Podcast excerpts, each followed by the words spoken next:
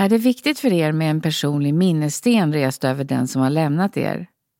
Vi samarbetar med Durus som är en av Sveriges största leverantörer av gravstenar. Edurus erbjuder kostnadsfri rådgivning och är bara ett samtal bort när ni har frågor eller behöver hjälp.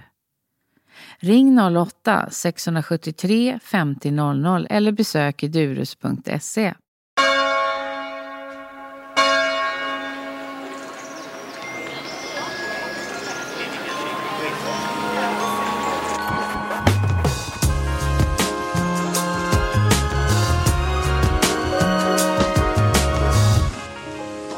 Hej och välkommen till podden Min död, min begravning. Jag heter Barbro Olsson Smith och idag ska vi träffa Susanne Nilsson från Spirio Sorgcenter i Malmö. Välkommen hit! Tack så mycket. Och du har många titlar. Kan inte du berätta vad du har med dig in i det här? Jag börjar nog från början. Jag är förskollärare från början. Pedagog. Tidigt i livet visste jag vad jag ville bli, arbeta med barn. Och sedan så blev det Montessori-lärare och sen startade jag en skola tillsammans med andra såklart. Byggde upp från ettan upp till nian och även då de allra yngsta barnen. Och det gjorde jag till jag sen träffade en man som eh, jobbar med sorgbearbetning här i Stockholm, Anders Magnusson. Och eh, jag gick en kurs i sorgbearbetning. Och det blev vändningen i mitt yrkesmässiga liv. För där tänkte jag, wow, det här vill jag göra om jag ska göra någonting mer än att vara rektor. Och det hade jag inte tänkt eh, från början. Utan sen utbildade jag mig där till terapeut. Ja. Och eh, parallellt med att vara rektor så gick jag utbildning, jobbade lite extra på sorgbearbetningen var där. Och eh, lite på, även på kvällarna. För jag såg att det fick en sån fantastisk effekt för människor. Både för mig själv såklart det första. När jag kunde bearbeta min pappas död 32 år efter att han var död. Det trodde jag inte var möjligt. Men eh, sen startade jag då Spirio Sorgcenter och eh, mitt fokus var ju då att försöka hjälpa barn och unga. Och framförallt att sprida kunskap till eh, skolor, förskolor, skolor och fritidshem där jag har min långa erfarenhet som jag tänker mycket förebyggande arbete och vad gör man när det har hänt. Mm. Ja, sen har jag ju fyllt på. Jag är ju intresserad av att lära mig mer så att jag har ju lite kroppsbehandlingar och energiterapeut. Och just nu går jag EMDR, traumaterapi, som också är också viktigt. Det är många traumatiska händelser. Mm. Är det många som tar hjälp av sorgebearbetning eller är det liksom, förstår man att man kan få hjälp eller att man ska ta hjälp? Eh, jag tror att många vet inte om att det finns. Nej. Det är nog den stora... Man vet att det finns eh, sorggrupper. Man tänker nog väldigt ofta att det är kyrkan som har sorggrupperna. Och eh, det är, många gånger så är det ju kyrkan som erbjuder. Men vi har också haft väldigt uppdelat. Liksom, var får man gå? Vilken grupp får man gå? Man ska ha liknande förluster. Det finns ju också väldigt många grupper. Vi som har förlorat ett barn, vi som har förlorat någon vid självmord, vi som har förlorat någon mitt i livet. Och, så det finns många grupper där man då eh, träffas, man har förlusten gemensam. Och det är klart att eh, där har många fått stöd som man ser. Men just det här att man kan gå och välja själv att få göra en sorgbearbetning. Man tror kanske inte att det är möjligt eller hur går det till och var finns det? Mm.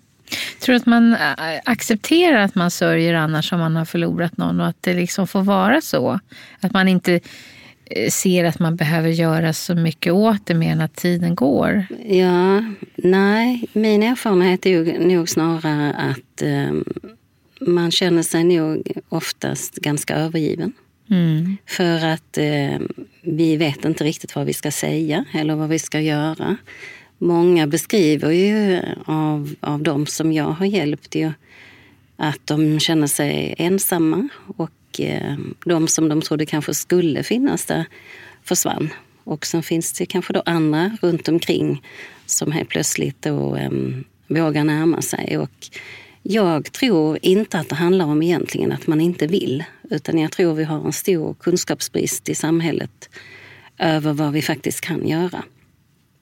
Så det blir, för mig blir det mer att vara en utbildad medmänniska. är det någon skillnad i hur man sörjer beroende på, du sa om man har förlorat ett barn eller om man har förlorat någon mitt i livet eller en partner? Alltså är, är, eller är det en, ser det ut på ett visst sätt? Finns det en cykel? Liksom? Ja, först så pratar man ju om faser.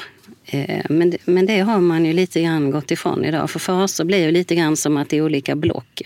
Den kända Johan Kullberg, att man hade chockfas, man hade reaktionsfas, bearbetningsfas och nyorienteringsfas. Och förr pratade man ju då om sorgeåret. Att har det bara gått ett år så ska du se att allting blir bättre. Har du bara upplevt den första födelsedagen och årsdagen och första julen och allt det där. Men, men det är ju inte så det ser ut. Utan sorg tar ju väldigt lång tid och sen är ju kanske då intensiteten av eh, reaktionerna är ju såklart också beroende på din förlust. Ju, ju närmre och, och ju, ehm, ju närmare relation du har till den som du förlorar. Om det, och förlorar menar jag någon som dör. Mm. Men jag pratar ju också om förluster som är då skilsmässa, sjukdom, olycka, mobbing, kränkande behandling. Livet blev inte som man hade tänkt sig. Ehm, det finns ju Alltså det finns ju ingen av oss som går igenom livet utan att vara med om förluster. Mm. Och vi behöver göra oss liksom, vi behöver förbereda våra barn på att eh, man kan hantera det. Hur ska vi förbereda barnen? Förbereda barnen är ju att lära dem att eh, ge dem eh, acceptans till att alla känslor är okej. Okay. För sorg handlar ju om känslor, det är ju något man känner och som vi behöver hantera. Och om vi då gör barn känslotrygga och vi också lär dem att de kan prata känslor och sätta ord på känslor. Det är liksom inte då bara arg, ledsen och glad utan att man tänker på att vi har ett ganska rikt språk som vi kan, eh, precis som vi lär dem allting annat i olika delar med äpplen och blommor och allt vad det är, liksom, så behöver vi lära dem om känslor. Vi hade ju inte haft känslor, vi människor, om inte vi hade behövt dem. Och det är ju ganska unikt att vi kan med hjälp av känslor uttrycka både vad vi känner, en dialog inåt med oss själva, men faktiskt också till varandra. Att så här känner jag. Men då behöver jag lära mig det som, mm. som barn. Det finns många vuxna som vad då känner. Liksom. Jag, jag, vet inte vad jag känner, jag har aldrig fått känna. Och det är ju olika hur vi har vuxit upp i och vilken generation vi också tillhör. Ju. Men är det skillnad nu, tycker du, med de som växer upp? Är de närmare sina känslor? Eller är det precis samma uppdelning, att det beror på vem de haft som förälder? Eh, både svar, både ja och nej. Ja. ja. Eh, när jag förlorade min pappa 74, då var jag 15 år. Och då, då var ju liksom samhällets syn att det pratar vi inte om. Eh, det går över, eh, det märktes ju ingenting och ingen frågade, ingen pratade om det. Idag gör man ju inte det, utan idag pratar man om det. Skolor har krisgrupp, vi har sorggrupper även då för barn, barn och mm. sorg. Men det finns ju mycket okunskap kvar bland eh, de som möter dem i vardagen. Om det är i skolan eller förskolan eller det är på fritidsaktiviteterna, ideella föreningar. Det finns mycket kvar att göra. Jag önskar att jag kunde sitta här så här långt då efteråt och säga att nej men det allt är bra idag. Men det är ju mycket, mycket bättre. Vi har ju medvetenhet kring betydelsen mm. av att låta barn försörja tidigt också. Att man tar mm. hand om det. Men det är intressant att du säger att du eh, gick igenom en sorgebearbetning så långt efter. Vad sa mm. du? Ja, 32 år efter han Kan dog. man göra det? Ja, det kan man. Och det var det som fick mig att bli intresserad. Jag träffade ju Anders på en semesterresa i Turkiet 2005 Eh, och då där vid poolkanten så berättade han om den här metoden. Mm. Och eh, då hade vi också haft tre incidenter på skolan med, eh, med dödsfall. Så att jag hade hanterat det under året innan. Och jag upplevde ju själv att liksom, oj, alltså så jobbigt och så mycket. Och man var chef och det är en liten skola, vi kände varandra. Så att liksom, och jag tänkte väldigt mycket på dem när de kom tillbaka. Det är inte bara så att man är hemma en, en och två månader så är allting som vanligt. Nej. Och så när han sa att det handlade inte om den andra utan det handlade om att det är din sanning, din upplevelse. Du får kommunicera enligt en viss struktur. Den här metoden är ju en pedagogisk metod som bygger på beprövad erfarenhet, där man, vad man faktiskt kan göra. Så det handlar ju väldigt mycket, gör det här och gör det här. Och så kommunicera. Eh, om du känner att det är någonting du vill be om ursäkt för eller någonting du behöver förlåta för din egen skull handlar inte om motparten då, utan det handlar om att jag ska släppa taget och bli fri. Och sen då uttrycka även eh, känslor och konsekvenser kanske kring det. Så omvandlas det till ett brev som man då läser upp. Och, eh, och jag, jag trodde ju inte det var sant eh, eh, själv. Liksom. Jag kände ju hur orolig och jobbig, jobbigt det var. För i alla mina andra terapier har ju allt handlat om min relation till min pappa. Ju. Mm. Eh, som då inte hade förmågan på grund av sjukdom att, att vara en förälder. Så det fanns ju alltid där liksom. Men det är ju, det är ju sorgbearbetningen när jag fick sätta ord på vad jag kände och tänkte. Min sorg var ju vad jag inte hade fått. Utan annars är det ju alltid liksom bara, det är också en förlust ju. Mm. Och i och med att han dog så försvann ju hoppet om att det skulle bli annorlunda. Och när jag då själv kände att nej men wow, det här det förändrades någonting inom Inget behov av att prata om det längre sen utan annars så ältar man alltid det så fort man hade en chans. Men det blev ju stilla, någon slags frid i själen. Och det bästa, eh, jag kommer ihåg en, en av mina bästa vänner sa till mig då, det är så konstigt Susanne, sen du gick den här sorgbearbetningen så ser du helt annorlunda ut när du pratar om din pappa. Och det tänkte jag var ett kvitto på att någonting hade hänt som ibland är svårt att beskriva med ord. Men eh, så det blev ju vändningen och då tänkte jag wow, det här vill jag ge vidare till... Eh, och framförallt så tänkte jag då på att utbilda barn och unga. Mm. Men även, och det gör du bäst genom att utbilda de vuxna. Så det blev min väg, att mm. Eh, hålla kurser och hjälpa, hjälpa även vuxna.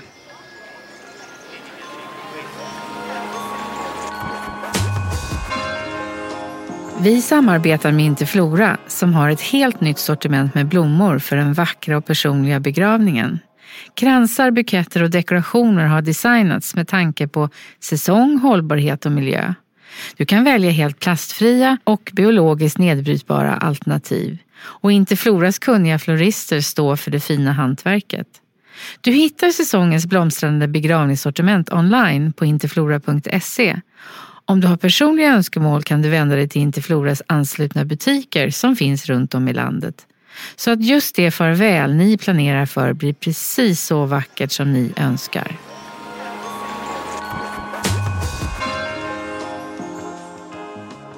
Och det är vuxna som jobbar med barn eller kan det vara också vuxna som har barn? Så att säga? Ja, absolut. Det kan ja. både vara människor som jobbar med barn men också många som jobbar med vuxna som jobbar eh, på, när vi haft de här handledarutbildningarna så har det ju varit mycket folk som jobbar i professionen liksom mm. som är både som terapeut eller inom kyrkan. Mm. Ja, många diakoner har vi haft som har gått och andra som, och några som bara är intresserade och vill göra någonting annat, har jobbat med kanske mer så här ekonomi och fakta och, helt, mm. och så vill man göra någonting annat som känns mer att jobba med människor. Så det mm, upplever jag, ja det har varit fantastiskt. Det är också det här, det är ett komplement. De flesta människor, alla, alla som jobbar med sorg och kan ju, alla inom professionen, de kan ju sorgreaktioner, vad som är normalt och vad som händer. Och för att återgå till det här med när vi hade faser så ser man ju det mer som en process idag. Att sorgen tar längre tid, det är också väldigt olika beroende på oss som människor. Vad har vi med oss? Vem är vi? Är vi en del är sårbara, en del är skörare än andra. Har du varit med om många förluster har du också fått lite verktyg så då kanske du kan hantera det. Du vet hur du ska göra. Men det kan också vara så att du känner att när det blir för mycket och så blir man kanske fysiskt sjuk utav, eh, av sorgen också. Mm. Så att det, det finns ju inget rätt eller fel. Liksom. Jag brukar säga att all sorg är unik utifrån dig och din relation till... Du sa innan, liksom, sörjer man lika mycket om det är ett barn eller mm. en... Eh, så det, eller ser det, det olika ut? Ser det ja. olika ut? Ja, mm. nej, men alltså reaktionen skulle jag vilja säga är densamma men intensiteten är ju såklart annorlunda. Jag har ju tack och lov inte förlorat något barn. Men det är klart att jag tänker att det skulle vara det absolut värsta som skulle mm. kunna hända. Mm. Och nu har jag barnbarn så att eh, det ska man inte sitta här i radion och säga vilket som skulle vara värst nu. Men tänker, på mina, tänker på mina barn, nej. Men det, det är ju fruktansvärt. Och man kan väl säga att alla som dör för tidigt, liksom, det är ju många som dör unga. Mm. Jag jobbar ju också med eh, Karl Werntoffs minnesfond som har startats med ett nätverk för familjer då, där barnet har förlorat en förälder. Som ordnar nätverksträffar. Gör barnen en rolig aktivitet och så brukar jag ha samtal med föräldrarna. Mm. Men där... ehm, och det är inte bara gamla som dör utan det finns Nej. ju väldigt många unga. Så tio barn om dagen förlorar ju en förälder i Sverige. Mhm. Mm, och det är ganska mycket. Så varenda gång jag säger det så tänker jag, men wow, är det... Så, och sen finns det väldigt mycket andra sorger som barn kan leva i.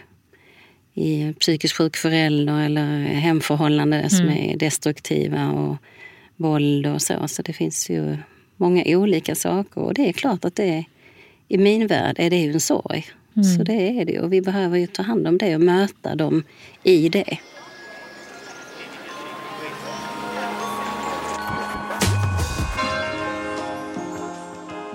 Men om man säger att det händer ett dödsfall, Mm. då träffar man kanske anhöriga eller familjen och så.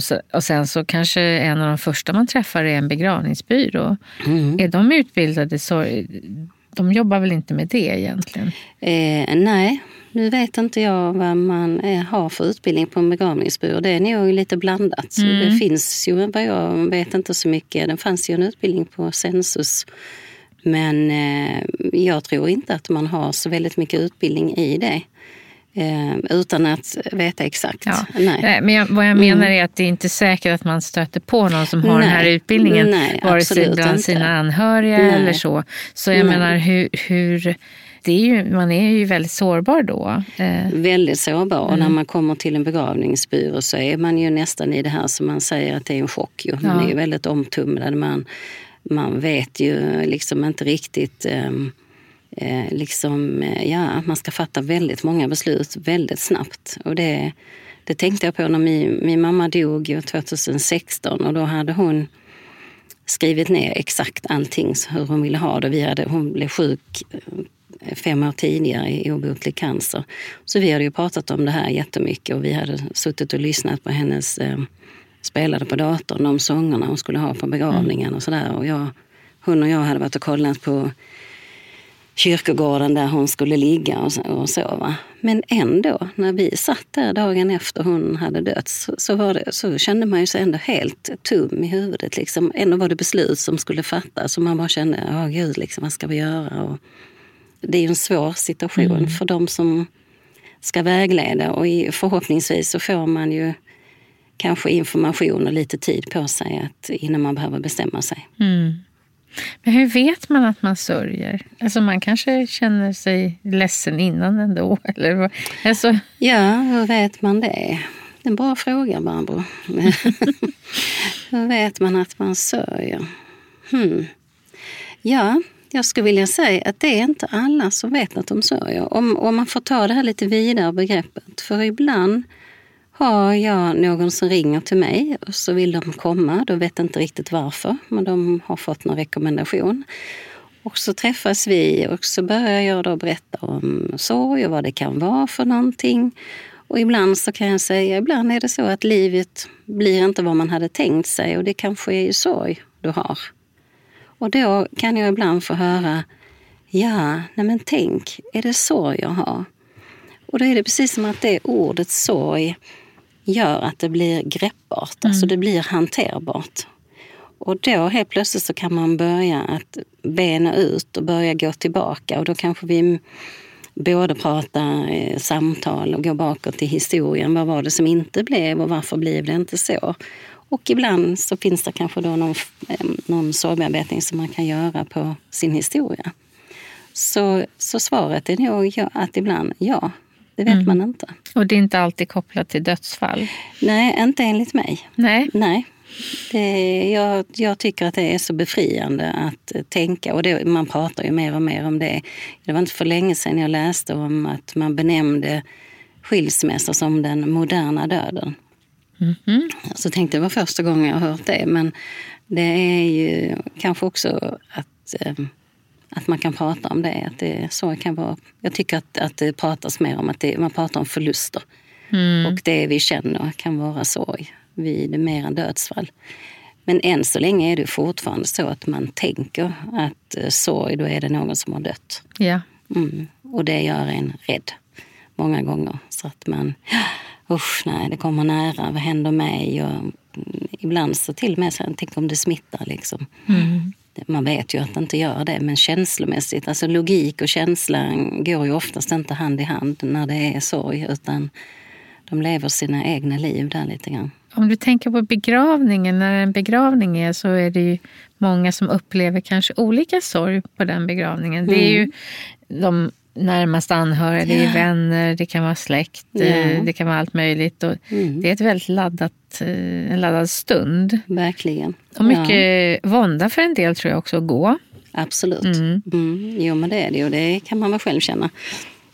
Men ehm, Alltså jag tänker så här att eh, man, man kan egentligen ställa sig frågan, vem har rätt att sörja? Mm.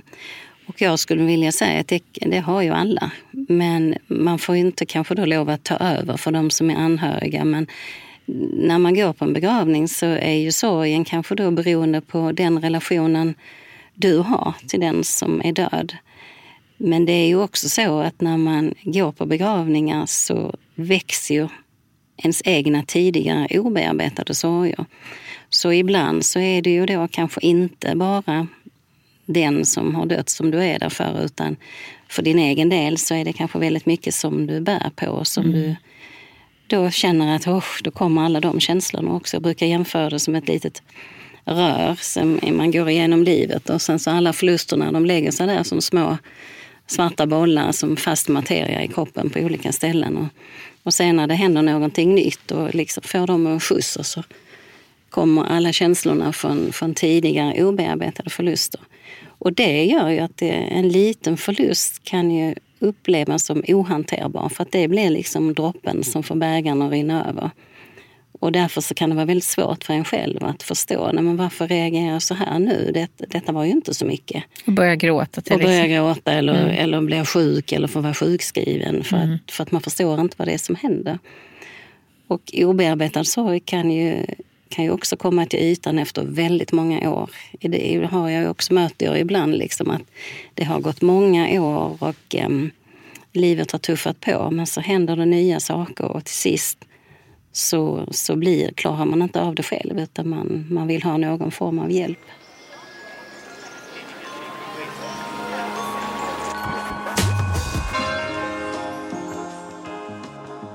Och det här att man inte vet vad man ska säga till någon som sörjer. Mm. Om vi säger om man inte har gått någon utbildning då. Men ja. kan, finns det några ord på vägen där? Ja, absolut. Jag skulle vilja säga att du behöver inte säga så mycket. Det kan jag säga det är den största befrielsen för er som lyssnar. Utan det viktigaste är att du vågar närma dig. Och en, en mening kan ju vara att jag har hört vad som har hänt. Jag vet inte vad jag ska säga, men jag är verkligen ledsen för din skull. Mm. Eh, för många beskriver att de kommer till sina arbeten eller någon annanstans och så känner de sig som ett ufo. För att alla vet vad som har hänt men ingen säger någonting. Och det blir jättekonstigt för den som... Och där tänker jag att där har ju den som är chef ett väldigt stort ansvar att, att prata med den som ska tillbaka till arbetet mm. eller när man kommer till skolan och pratar med föräldrar och så här. Att hur vill du ha det och, och hur vill du liksom att vi ska berätta det för de andra? Och ibland så har jag också hört någon som har berättat att det som hjälpte mig allra mest, det var en som en sjuksköterska som kom fram och frågade, får jag ge dig en kram? Mm. Hon sa ingenting, men just att man frågar om lov, att får jag lov? Och, eh, och det tyckte de då att det kändes bra. För, för där och då när du får det här beskedet, då är det ju som att marken dras undan dina fötter. Du har ju liksom ingen fast mark och ditt liv är ju förändrat på en enda sekund. Liksom. Mm. Eh, och då kan det vara skönt att bara ha någon som håller i, att bara känna att du står stadigt. Så det är ju allt från den här liksom första chocken till den här eh, väntesorgen, som man säger, eller förvägssorgen som kommer när man vet att någon ska dö, men det kanske är en längre tids sjukdom och du många äldre som också får en partner som kanske då har demens eller Parkinson och så. Att man vet, men det kan ta väldigt lång tid och de kan ju känna att de förlorar sin man eller fru eller partner på ett visst sätt. De är inte döda, men, men, man förändras. liksom. Så det är också en typ av förlust. Ju. Men att i alla fall reagera och säga någonting? Reagera och säga någonting. Det är bättre att säga fel än att inte säga någonting alls. Eller ja. att gå på andra sidan gatan när du ja. vet du möter någon. Eller du kommer på varuhuset och så säger du dem, åh nej, usch nej. Jag går på andra sidan. Men varför, jag, varför gör vi så då? Alltså jag tror man är rädd. Man är rädd för att man ska säga fel saker. Man är rädd för att man ska göra det värre. Man är rädd för att de ska börja gråta. Och då tänker man att ja, men jag vill inte göra det. Eller så är jag rädd för vad det väcker hos mig mm. så att jag väljer att undvika. Men för de som redan har sorgen så kan det ju inte bli värre där och då. Utan det som blir värre det är ju när människor låtsas om att det inte har hänt. Eller... Sen är det också beroende på vem, vilken relation man har. Som sörjande så kanske man inte vill prata med alla om det som har hänt. Men är du nära vän eller närstående så eller arbetskamrat eller så. Mm. så det, det, finns många praktiska saker man kan hjälpa till med. Gå dit med lite lagad mat, en köttgryta eller gå dit med något bröd eller fråga om du kan gå ut med hunden eller hjälpa till. Men jag har hört många fina historier när, när det finns vänner som gör upp schema och hjälper till och lagar mat till, mm. till barnen. Och, eh, det har ju varit då den överlevande föräldern men även liksom äldre personer. Att man, för det är ju det här praktiska. Man orkar inte laga mat, man orkar inte städa, man kommer inte ihåg. Eh, jaha, var det idag jag skulle göra det? Och så glömmer man. Och det är verkligen så att man, man kan ju tycka när man inte har sorg att ja, men det låter lite överdrivet. Den här, liksom.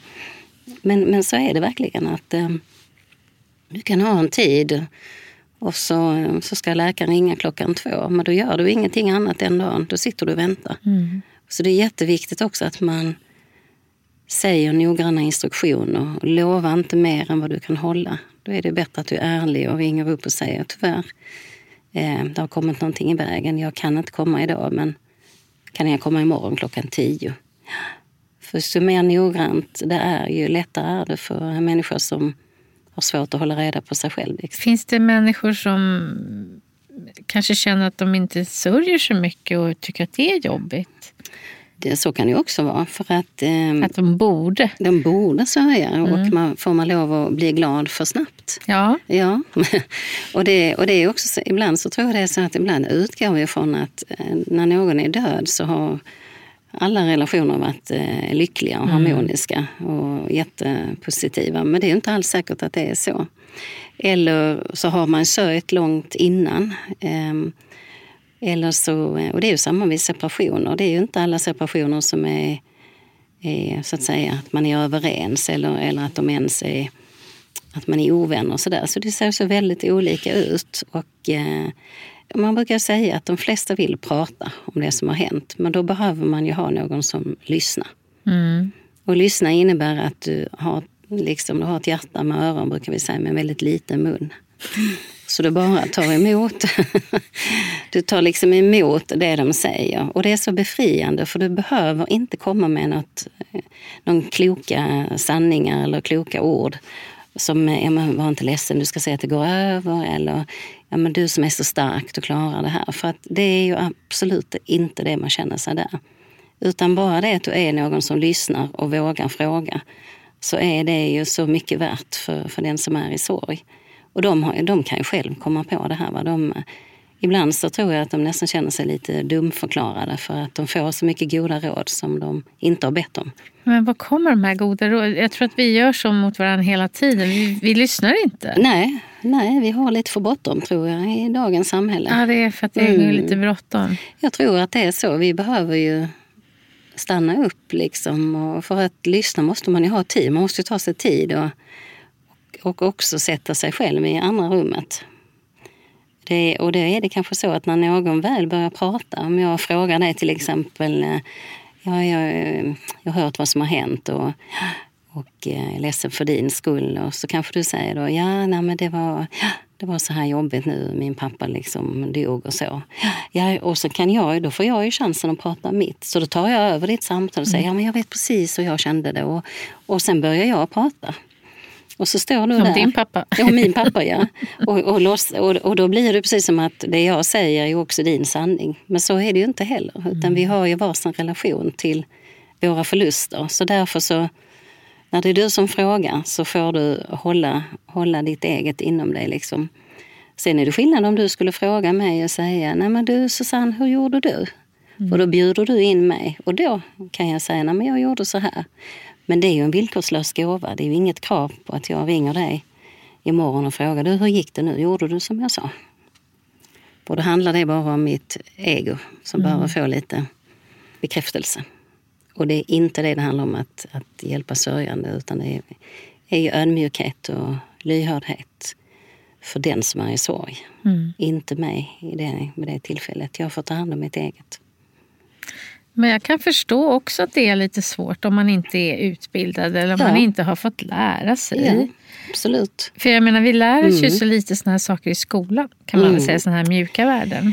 Det gör vi och vi gör ju som vi alltid har gjort och vi gör ju som våra föräldrar. Mm. Och innan jag började jobba med det här så har jag gjort alla felen. Så jag är ju den första att skriva på. Mm. Jag brukar säga, för att krydda det ännu mer, så dessutom utbildad pedagog och ändå har jag sagt alla de här sakerna till barnen som jag idag känner att nej, nej, nej. Men eh, så det handlar väl om, det är därför jag säger att det beror ju inte på att man inte vill eller att man är dum eller vill någon illa, utan jag tror att det handlar om kunskapsbrist. Att det är så vi har gjort och så fortsätter vi att göra så utan att egentligen ifrågasätta vad det är vi gör. Och, och sen så vågar man kanske inte, är man då i sorg så orkar man inte heller riktigt säga, nej men du, eh, jag orkar inte lyssna på dig eller så. Utan då är man också rädd för att bli ensam mm. och isolerad när någon väl frågar. Så då vill man inte avvisa någon utan man är också rädd för att bli ensam. Det är också en sån här lustig sak att alla vet vi att vi är med om förluster av något slag genom livet och ändå så känner sig väldigt många sörjande ensamma i sin sorg. För att vi inte har liksom, de här samtalen är inte så vanliga som de borde vara. Och det är ju, det är ju sorgligt kan man säga. Ja. Hur ska man kunna förbereda sig bättre då? Ja, det är bara att träna. Mm. Precis som om vi ska gå någon sån här kurs i buggning eller någon sån här, mm. så behöver vi ju träna. Och det är ju samma här, att man behöver börja våga. Och då skulle jag säga, liksom, om du vet att någon som du känner har gått igenom någonting, men säg bara hej, jag har hört vad, jag har hört vad som har hänt. Och sen, jag är ledsen för din skull. Och sen behöver du inte säga mer. Mm. Det ger ju sig själv om den andra börjar prata. Mm. Men bara ha med sig det här att två öron, en liten mun och den här befrielsen att du behöver inte säga något klokt. Utan det du hjälper är ju återigen det jag har sagt, att lyssna, att våga fråga. Och det är en sån här sak vi har ju också med psykisk ohälsa. Det handlar ju väldigt mycket om att våga fråga. När någon mår dåligt, och, hur har du det? Och att, det är väl lite liknande sorg kanske? Ja, nej men visst är det det. Det är ju Ja, jag tänker också, men alltså, kanske ha någon samtal med nära vänner. Alltså, börja prata om det hemma, bara med sin partner kan ju vara en utmaning. Ja. Och vänner mm. och sådär. I, um, att man börjar liksom. finns det ju olika kortlekar och sånt där som man kan köpa om man har svårt att komma på frågan. Och, man kan ju bara tänka sig, hur, hur, skulle du själv vilja bli mött om det händer någonting? Eller, och de flesta, beror på vilken ålder såklart. Men eh, de flesta har ju kanske upplevt någonting. Så bara det här att man börjar prata om hur var det för dig och vad var bra och vad kunde varit bättre. Det är ju inte bara dåliga exempel. Nej. Nej. Men jag tänker att jag startade den här podden. En anledning var ju också att våga alltså, utforska och öppna upp. Mm. Att vi pratar om saker som finns kring begravning, mm. livet och döden. Ja, eh, är ju också, ju mer kunskap du har så och kanske du kommer och engagera dig mer i Mm. en närståendes begravning eller död Absolut, eller någonting. ja. Och nu, det tillkommer ju så många fler saker som det här också som Ja. man också är oförberedd på då. Absolut, ja. Nej, men jag tänker Som är nytt. Ja, jag tänker på de här, det börjar ju komma lite grann mer. Jag tänker ju bland annat då på det som vi har, som Jenny Ann har i Vila begravning som har haft Def Café och, Mm. och en annan deltagare som har Döden-snacket och olika, jag tror ju nu när vi börjar prata om döden och har utbildat dödsdoula så blir det, börjar det komma små grupper där man har ämnet döden och begravning. Och hur vill du ha det? Liksom också veta om, det är också en kunskap som, som inte jag hade heller innan, att man kan ha det ganska mycket som man själv vill. Mm. Och det visste man inte heller. Och det, jag tror många inte vet. Vad får man lov att göra och vad får man inte lov att göra? Mm. Och, och det här liksom, en del vill kanske fira lite grann och en del vill ha det som vi hade det förr. Och det får lov att vara svart och lite ledsamt. Och en del vill ha det på ett annat sätt. Men just att man vågar fråga om det. Och det, det säger man ju också då med barn, tänker jag oftast på. Åh gud, nej, och barn och sådär. Men de, de är ju väldigt spontana. De har ju såna här underbart härliga kommentarer till, eh, till de här svåra frågorna. Så är de små så förstår de ju inte, men när de väl förstår så har de ju väldigt kloka funderingar och väldigt intresserade. Och det är ju samma där, att om vi börjar fråga eller prata med dem när de är små så kommer det vara mycket lättare för dem eh, när de går igenom livet. Och då tänker jag också på, de har ju så många träningstillfällen. De brukar ju begrava sina små, jag vet inte hur många spindlar och eh, Ja. möss och sånt här man har begravt. eh, Och, och husdjur i trädgården och så här som när barnen var små. Men, och så sjunger man en sång. Men, men, men man tänker på det så är det ju en träning i Mm. det. eh, Sen hoppas man ju att de inte behöver vara med om något traumatiskt. Men det vet vi ju som jag sa tidigare, att det finns många som är det. Men det gäller inte bara det, utan när kompisen när de blir ovänner eller kompisen flyttar. Så det finns många tillfällen när man, när man får träna sig på att, att det gör ont. Ja. Mm. Och det är, det är ju någonting som man behöver lära sig att stå ut med. Och vad gör jag då när det gör ont? Jag kan inte ta gör- bort det. Nej, för där gör vi väl lite tvärtom om vi curlar och så. Precis. Det har, har väl varit en tid när vi har velat skydda våra barn från allt ont. Och det, jag tror väl att det är intuitivt som förälder, det vill man ju. Och jag är väl den första att skriva under att det vill ju jag också. Eh, och nu är ju mina barn vuxna så att de får väl klara det själv. Men, men jag tänker att det är väl sån här föräldraroll. Men det har ju varit en tid när vi liksom nästan har sopat banan så att de inte ska uppleva någonting alls som är jobbigt. Och det går ju inte. Det är inte bra för att de behöver få med sig de verktygen för att klara livet. Och det, det är ju det lite grann man har sett idag på en del som kommer upp i tonåren och så. När de överväldigas av de här känslorna som kanske kommer från en naturlig förlust. Att partnern har eh, gjort slut och så, men vad gör jag med det här? Ja. Och det är det som gör att man blir så rädd. Och så känner man sig kanske sjuk, för det kan man ju göra av sorg. Man kan ju känna sig fysiskt sjuk. Och så uppsöker man kanske då läkare eller man stannar hemma och vill inte gå till skolan. Eller, ja, man, man mår dåligt helt enkelt. Då, då tänker jag att nej, men de behöver de behöver lära sig det.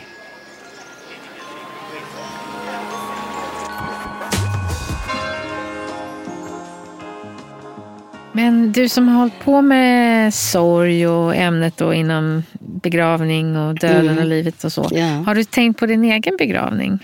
Ja, eh, och den varierar ju då. När man får så mycket eh, nya tips, håller jag på man- Lite så för att ha... Men eh, ett tag så tänkte jag, då, då säger mina barn, ja, jag ska skriva ner det, säger jag, ja, ja mamma du behöver inte det för att vi vet ju att du vill ha fest och du ska ha, att du ska bli firad liksom och så. Men sen idag, nej men nu, just nu har jag nog tänkt om lite grann att ehm, jag eh, vill nog ha eh, bårtäcke. Mm.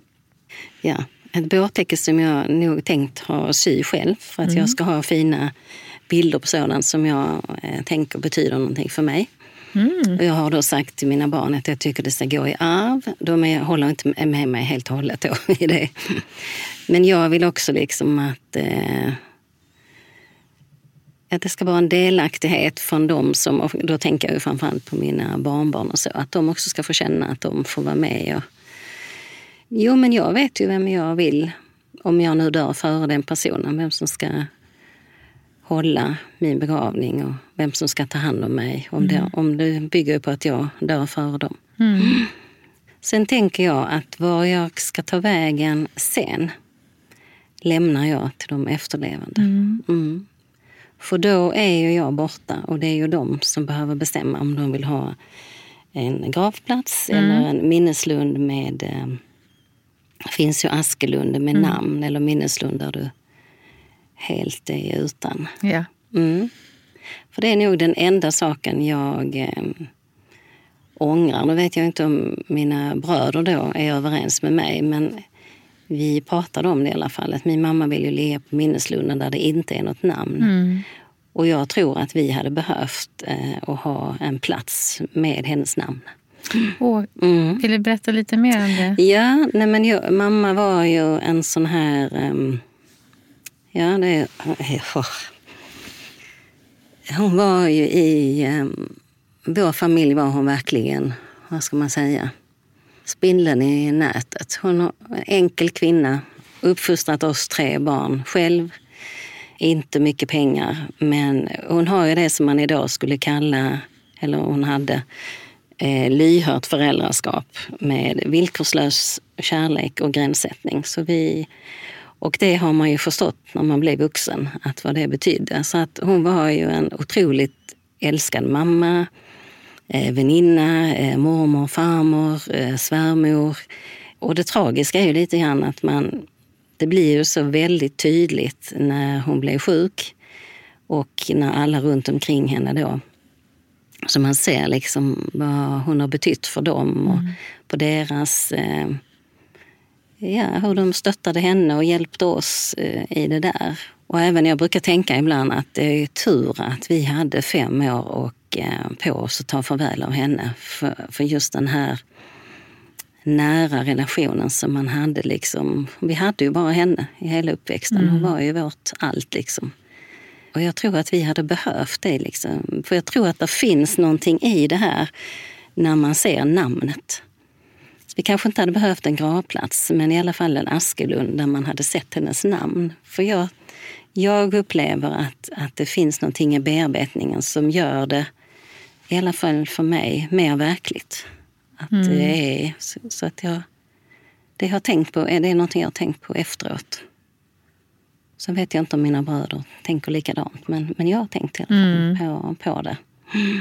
Intressant att Ja. det liksom blir mer... Bes- ja, personen blir mer bestämd. ja säga? precis. Nej, men jag tror, för jag, jag upplever, för jag, och jag, det är nog för att jag tänker på när min pappa dog. Så jag träffar inte honom så speciellt mycket, men, men där kommer jag ihåg, eh, då fick han ju den här gravstenen. Och jag minns den dagen jag kom dit och när stenen hade kommit och där stod namnet, då var det precis som poff, det bara slog i- igen i en. Och det på något sätt Ja, men det är ytterligare ett steg i att förstå det där ofattbara. Även om man är, är med vid, när, som när mamma dog, liksom, jag var ju med och var där, och vi var där allihopa och såg liksom eh, hur hon släppte ut sitt sista andetag och man är med i hela proceduren. Men det är så ofattbart att ta in för människor så att man, jag tror det är liksom våra försvarsstrategier som också gör att vi kan bara ta det där lite i taget. Mm, mm. Mhm. Ja. Lite... ehm, och det, är så, det är ju ändå så här, vad sitter jag här nu, fem, sex år nästan. Fem år efter. Och så kommer det till en emellanåt. va? Och, jag, och då har jag ju gjort väldigt mycket bearbetning med de metoderna som jag har. För, för att jag känner liksom, både under tiden som hon var sjuk kunde jag ju använda mig av det. Och bearbeta liksom sakta. Men också efter. Men så tänker jag, ja, men om det är nu en älskad förälder, ja det är klart att man sörjer och saknar. Mm. Men saknaden idag är ju mer hanterbar än vad det var precis när det hade hänt såklart. ju. Och det är väl det som det är väl det som man kan säga att bearbetningen hjälper till med. Att försörjande blir det ju mer hanterbart. Det, det blir, ehm, och med tiden så blir det kanske också mindre intensivt. Och då, och då blir det kanske mer begripligt och hanterbart. Och sen då också att för många då som har förlorat ja, någon närstående partner eller barn och så, att hitta mening, meningsfullhet i livet mm. efter en sådan förlust kan ju vara också en lång process. Också väldigt svårt. Varför ska jag fortsätta? Varför ska jag leva? Och får jag lov att ha roligt? Får jag lov att skratta? Mm. Nej, alltså det är mycket det här man slår på sig själv och får dåligt samvete kanske om jag är glad. Och... och en del tror jag kanske inte, som jag sa förut, kanske inte förstår att de blir drabbade av Nej. sorg efteråt. Eller om de, det beror ju på vilken relation, eller det ja. kan ju vara alla olika ja. anledningar. Nej, men man kan ju också ha fått lära sig att det där med känslor, det pratar vi inte om. Mm. Utan det är stäng, det är, mm. Du kan ju vara uppvuxen med en, i en familj där det har varit så. Och ja. att du har aldrig fått tillgång till det. Och, och du är kanske också en person som sörjer introvert, liksom att man bär det inom mm. sig. Som, som jag sa innan, att även om de flesta eh, vill prata om det så finns det ju ändå människor som sörjer introvert och som kanske sörjer på ett annat sätt. Ja. Så det är också viktigt att man inte säger att alla ska göra på ett, här, på ett speciellt sätt. Utan mm. Det finns ju också jag tänker också det finns ju kultur, det finns ju musik, och måla och skriva. Jag menar, om du lyssnar på vilken sång som helst så är det ju I love you, I miss you, you broke my heart. så vi har ju väldigt mycket sorgbearbetning naturligt. Liksom. Ja. Och skriva böcker. Jag menar, idag när, hur många böcker har vi inte som är också en egen bearbetning mm. samt en historia att berätta.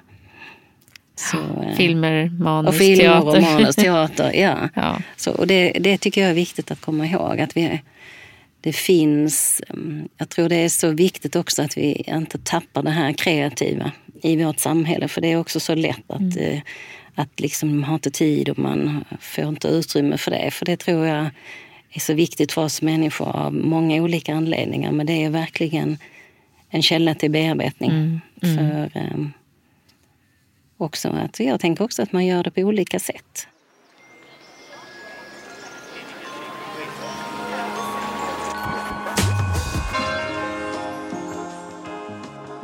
Tror du att det skulle bara vara vinning då om vi alla lärde oss mer om sorgebearbetning innan någonting händer och vi tog reda på mycket mer hur vi vill ha kanske vår eget avsked eller... Ja, nej men det tror jag absolut eh, att det hade varit lättare både för dig själv och mm. hur du ska göra. För det, det som jag säger, det är ju det som vi egentligen utbildar till en med, utbildad medmänniska. För det är liksom inte någon terapi i den metoden jag jobbar med. Mm. Men eh, så att det är ju att... Eh, och jag, när eh, jag hade gått min första utbildning så stängde jag skolan i tre dagar. Så hade jag alla 40 lärarna på tre dagars utbildning i sorgbearbetning. Och det var ju väldigt mycket oro. Jag kan säga att i åtta månader varje lunch pratade jag med någon i personalen om sorg och jag vill inte ta upp det här och gud vad jobbigt och så här.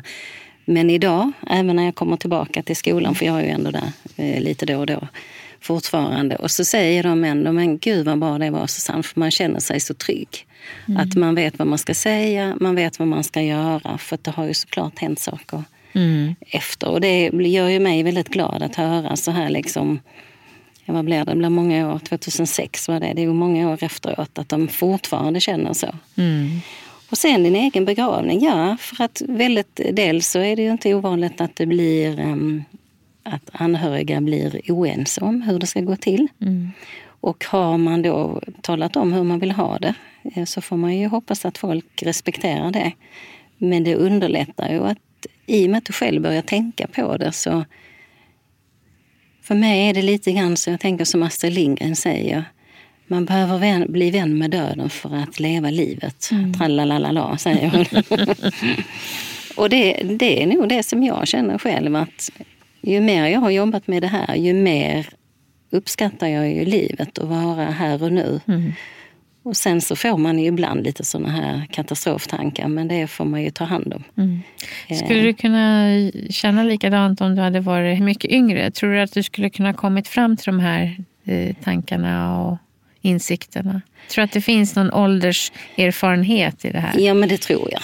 Mm. Absolut att det finns. Eh, jag brukar säga att jag har nog ansetts av andra som klok redan som väldigt ung.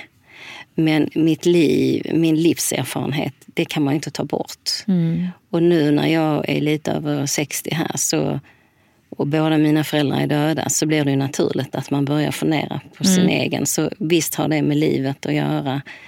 När man är liksom 30 då kanske man inte tänker på det. Och man kanske inte ska göra det heller, tänker jag. Utan då har ju livet andra. Även om det händer, det gör det ju såklart. Mm. Men då får man kanske ta det då. Men det är också olika. Ibland hör man en del anhöriga som önskar, när man, framförallt då att man eh, har vetat om att någon ska dö, att de hade pratat om det. Men en del som är sjuka vill inte prata om det och det är väl det måste vara oerhört smärtsamt att veta att man ska lämna liksom sina sin familj och sina små barn. Jag, kan inte, jag vill inte ens tänka mig in i liksom hur det mm. kan vara. Så att, men det blir ju också svårt för de som är kvar för då ska man fatta massa beslut ja. som, som man är ensam med om. Och så mm. vill man göra rätt och så är man mitt i sin akuta sorg. Och, så det är ju svårt. Jag tror... Man får inte kräva det av Nej. Nej. Och det kan man också tänka idag. att Vi, vi säger ju då att ja, men vi kan göra så mycket hur vi vill ha det. Mm. Men där, där, finns ju också en stress i det.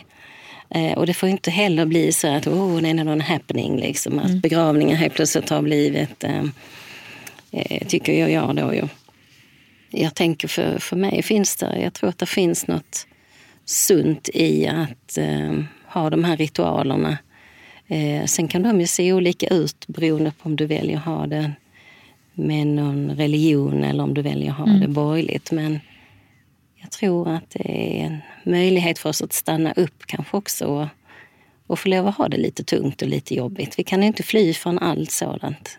Nej. Och då gör vi ju precis så som jag säger att man inte ska göra med barnen. Då mm. gör vi, oh, så sopar vi över det. Utan jag tror, jag tror att det har något läkande i att ha våra ritualer. Jag vill tacka dig så mycket för att du kom till Min död, min begravning och pratade om sorg i många olika faser. Tack själv Barbro för mm. att jag fick komma. För detta är ju ett ämne som ligger mig varmt om hjärtat. Mm. Tack. Tack.